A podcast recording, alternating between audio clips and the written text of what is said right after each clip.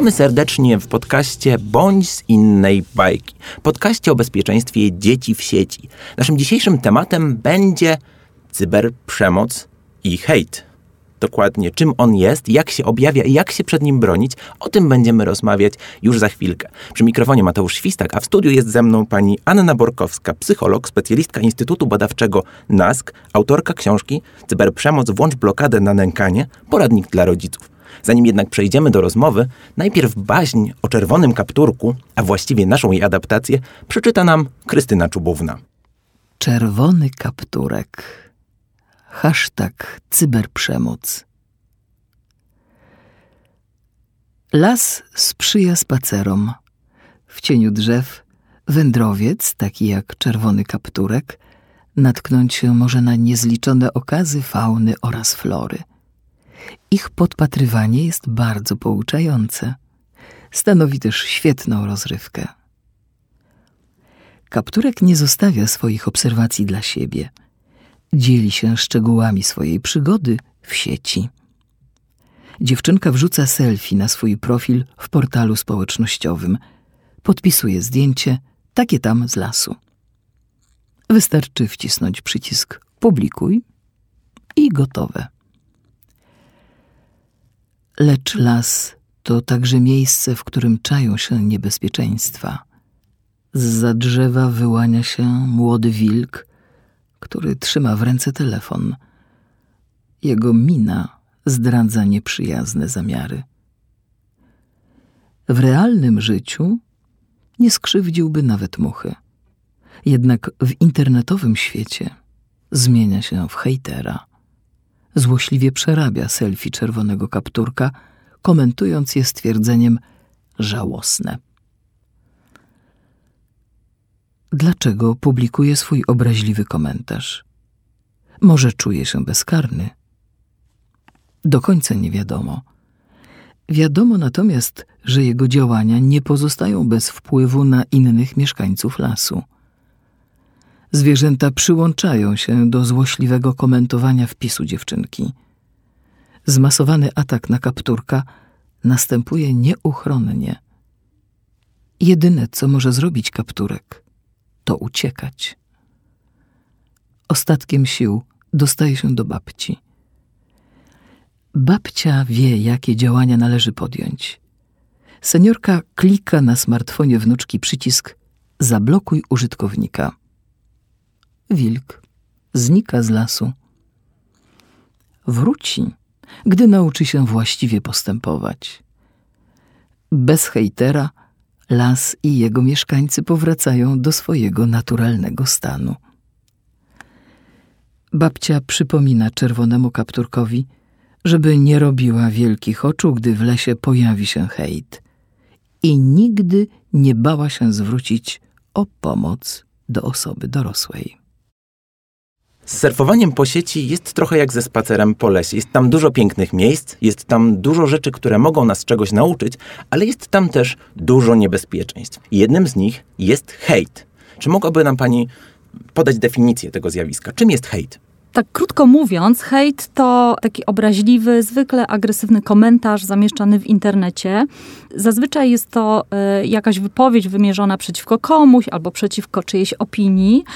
No i y, często wyrażana takimi ostrymi słowami, powszechnie uznawanymi za pogardliwe czy naruszające godność, najczęściej też niestety wulgarnymi. Mhm. A czy w takim układzie hejtowanie jest łamaniem prawa? Może być, ponieważ mimo, że internautom wydaje się czasami, że anonimowość zapewnia im też bezkarność, e, to do końca tak nie jest. Zamieszczanie takich obraźliwych czy agresywnych komentarzy w niektórych sytuacjach nie pozostaje bezkarne. Polskie prawo zabrania na przykład nawoływania do nienawiści, dyskryminacji. E, używamy tutaj takiego określenia mowa nienawiści. ale zabra- i to są przestępstwa nawet ścigane z urzędu Ale polskie prawo mówi też o tym, że e, sprawca takich czynów jak znieważenie, pomówienie, zniesławienie jakiejś osoby też może być pociągnięty do odpowiedzialności karnej. Przy czym to są już takie przestępstwa ścigane z oskarżenia prywatnego, czyli jakby tu sam poszkodowany musi zwrócić się do odpowiednich organów ścigania, do sądu z takim wnioskiem o ukaranie sprawcy i przedstawić dowody, że rzeczywiście był obrażany, ośmieszany, że jego dobra osobiste były naruszone. A więc hejt y, nie do końca jest bezkarny w sieci. Dobrze, a wspomniała Pani o poszkodowanym w naszej bajce. Poszkodowany był czerwony kapturek. I zastanawiam się, czy jest jakieś, są jakieś kryteria, które sprawiają, że jesteśmy bardziej narażeni, tak jak czerwony kapturek, na to, żeby stać się ofiarami hejtu. Tak naprawdę wtedy, kiedy wkraczamy w świat internetu, stajemy się trochę potencjalną y, ofiarą hejterów. Dlaczego tak mówię? A ponieważ wszelkie badania pokazują, że agresja w sieci, ten, to co nazywamy hejtem, jest bardzo powszechna i w zasadzie trudno y, nie natknąć się w internecie na mm, jakieś działania y, ze strony hejterów. W związku z tym trochę wszyscy e, wkraczając do internetu, tak jak czerwony kapturek wkraczał do lasu, stajemy się potencjalną ofiarą hejtera. Aczkolwiek to nie znaczy, że wszystkim nam się to musi przydarzyć. Mhm. Ale czy to też oznacza, że wszyscy jesteśmy też potencjalnymi hejterami? No nie, chyba tak daleko bym nie poszła w tej ocenie, ponieważ mimo tego, że, że widzimy, jak bardzo rozpowszechnia się ta agresja e, w sieci, to jednak nie każdy z nas podąża tą ścieżką. Jednak jednak e, cechują nas troszeczkę inne mechanizmy regulacji, kontrola nad naszym zachowaniem. E, część osób bardziej niż inne przestrzega normy społeczne, więc e, nie możemy powiedzieć, że wszyscy jednakowo jesteśmy potencjalnymi hejterami. To by było trochę za dużo. No ale zawsze w każdym lesie jest jakiś wilk, więc używając naszej metafory, tego lasu, w którym czerwony kapturek spotyka wilka, chciałbym zapytać, kto może być wilkiem? Jakie ma cechy, kto jest hejterem? Odpowiedź na to pytanie nie jest taka do końca prosta e, i pewnie będzie trudno mi ją e, zamknąć w, w jakichś bardzo krótkich dwóch, trzech zdaniach, ponieważ na to, czy ktoś zachowuje się agresywnie w sieci, składa się sporo czynników. To są e, po pierwsze jakieś predyspozycje osobowościowe, każdy ma inny temperament, inaczej reguluje swoje emocje, inaczej kontroluje swoje zachowania, ale też działają na to takie czynniki środowiskowe czyli sposób wychowania, to w jakiej sytuacji społecznej się w danej chwili znajdujemy. Także tych czynników, które mogą wyzwolić e, takie działania agresywne jest e, sporo. Ale żeby tak krótko powiedzieć, próbując usystematyzować taką naszą wiedzę na temat tego, kto może stać się hejterem, a kto nie, dobrze byłoby, żebyśmy pa pamiętali o takich dwóch sytuacjach. Agresja w sieci może być takim działaniem zamierzonym, intencjonalnym, zaplanowanym e, i tutaj sprawcy hejtu 또 to będą te osoby, które z jakichś powodów zaplanowały sobie takie działanie, które ma przynieść krzywdę innej osobie. Motywy kryjące się za tym mogą, e, mogą być e, różne. Na przykład dziecko, które hejtuje swoich kolegów w sieci, może chcieć uzyskać popularność poprzez ośmieszenie kogoś, zdobyć akceptację rówieśników, albo samo na przykład doświadczyło mhm. przemocy i teraz próbuje się zemścić.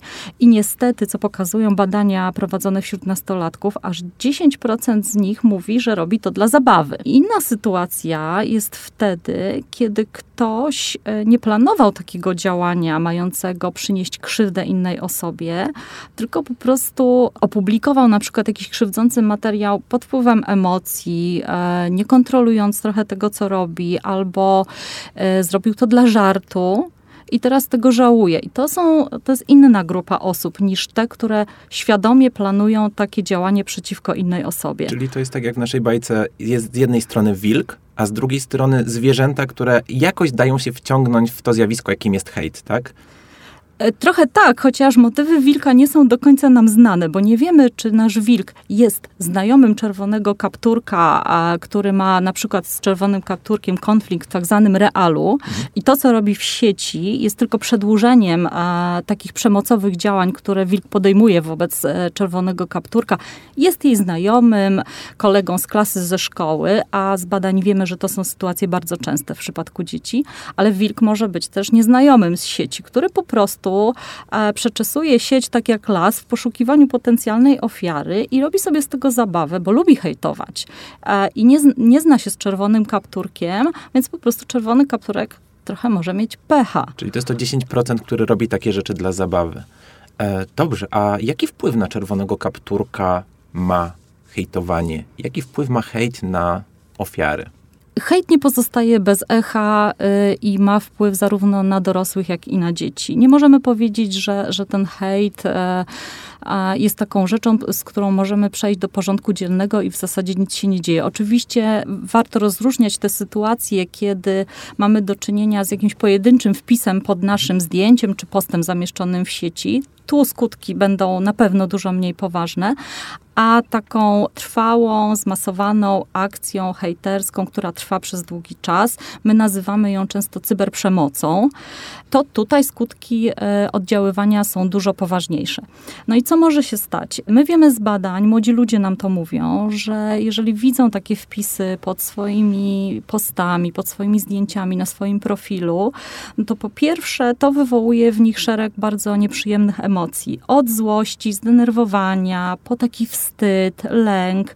Też pojawia się dużo poczucia upokorzenia, y, takiego poniżenia. Cała gama y, bardzo trudnych emocji. No jeżeli to trwa, taka sytuacja y, trwa przez jakiś czas, to mówimy o tym, że te skutki bycia hejtowanym a mogą być jeszcze poważniejsze i mogą trwać długo. I to są takie konsekwencje jak e, pojawienie się e, symptomów nerwicy, depresji, dzieci zamykają się w sobie, próbują się wycofywać. E, w skrajnych przypadkach wiemy, że może też do, dochodzić do prób samobójczych, a u dziecka bardzo poważnie zostaje zaburzone poczucie własnej wartości. W związku z tym, że ten podcast jest dla rodziców, i on ma pomóc rodzicom, to jak rodzic ma zareagować, kiedy widzi, że jego dziecko zmienia swoje zachowanie? Po pierwsze, jak ma dowiedzieć się, że padło ofiarą hejtu? No a po drugie, co z tym zrobić? No tu rodzic nie ma łatwo, ponieważ e, wiemy, że wiele nastolatków po prostu nikomu nie zgłasza takiej sytuacji. Z naszych badań prowadzonych przez NASK w 2019 roku, nastolatki 3.0, wynika, że aż 30% nastolatków e, nikomu nie mówi, że jest ośmieszane, poniżane, że jest, e, znajduje się w sytuacji cyberprzemocy. Więc e, trochę musimy polegać na tym, co widzimy.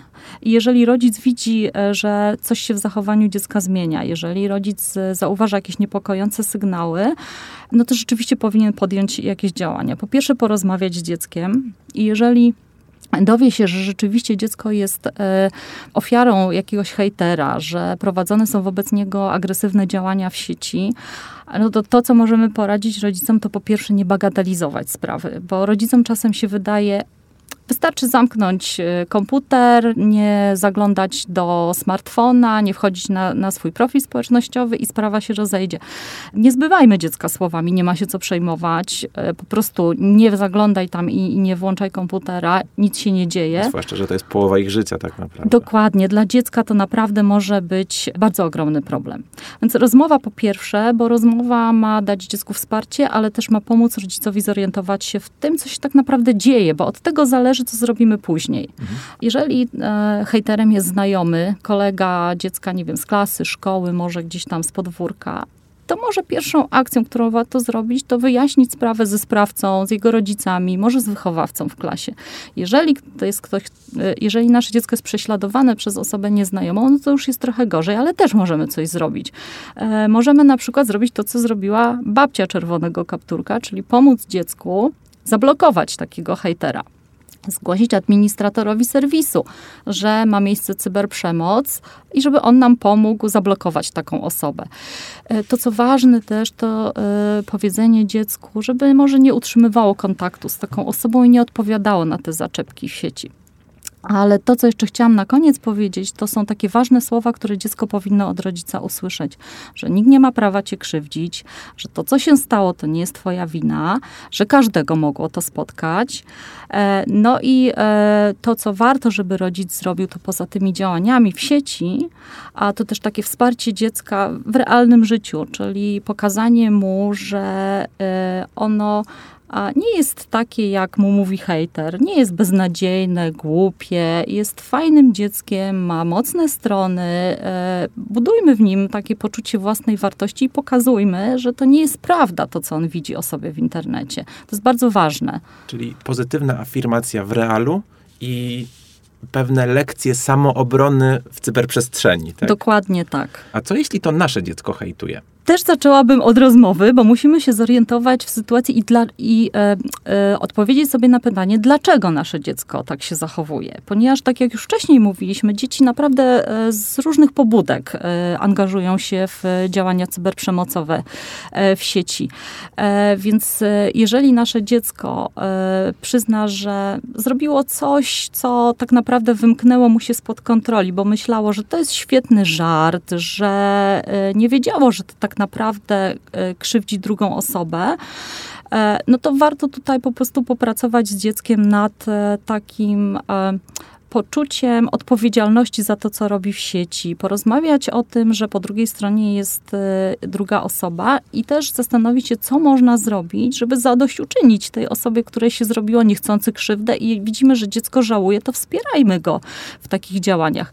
Co innego jest w sytuacji, kiedy dziecko zaplanowało taką akcję, kiedy włożyło dużo y, swojego wysiłku w to, żeby rozpętać taką całą akcję y, przeciwko koledze lub koleżance y, związaną z cyberprzemocą, to tutaj praca wychowawcza będzie troszeczkę trudniejsza, ale to, co zawsze zalecamy, to y, mm, rozmawianie z dzieckiem o tym, y, że po drugiej stronie też jest człowiek, uczenie empatii, nazywanie rzeczy po imieniu, mówienie to, co zrobiłeś, jest przemocą, krzywdzi inne osoby, nie ma mojej zgody na to, żeby tak się zachowywać, czyli wprowadzanie też pewnych norm społecznych, czy przypominanie dziecku o tych normach. I, i wspieranie dziecka wtedy, kiedy ono e, już zrozumiało, co zrobiło źle, i chce sytuację naprawić, to też bądźmy przy tym dziecku, bo dla niego to też może nie być łatwa sytuacja.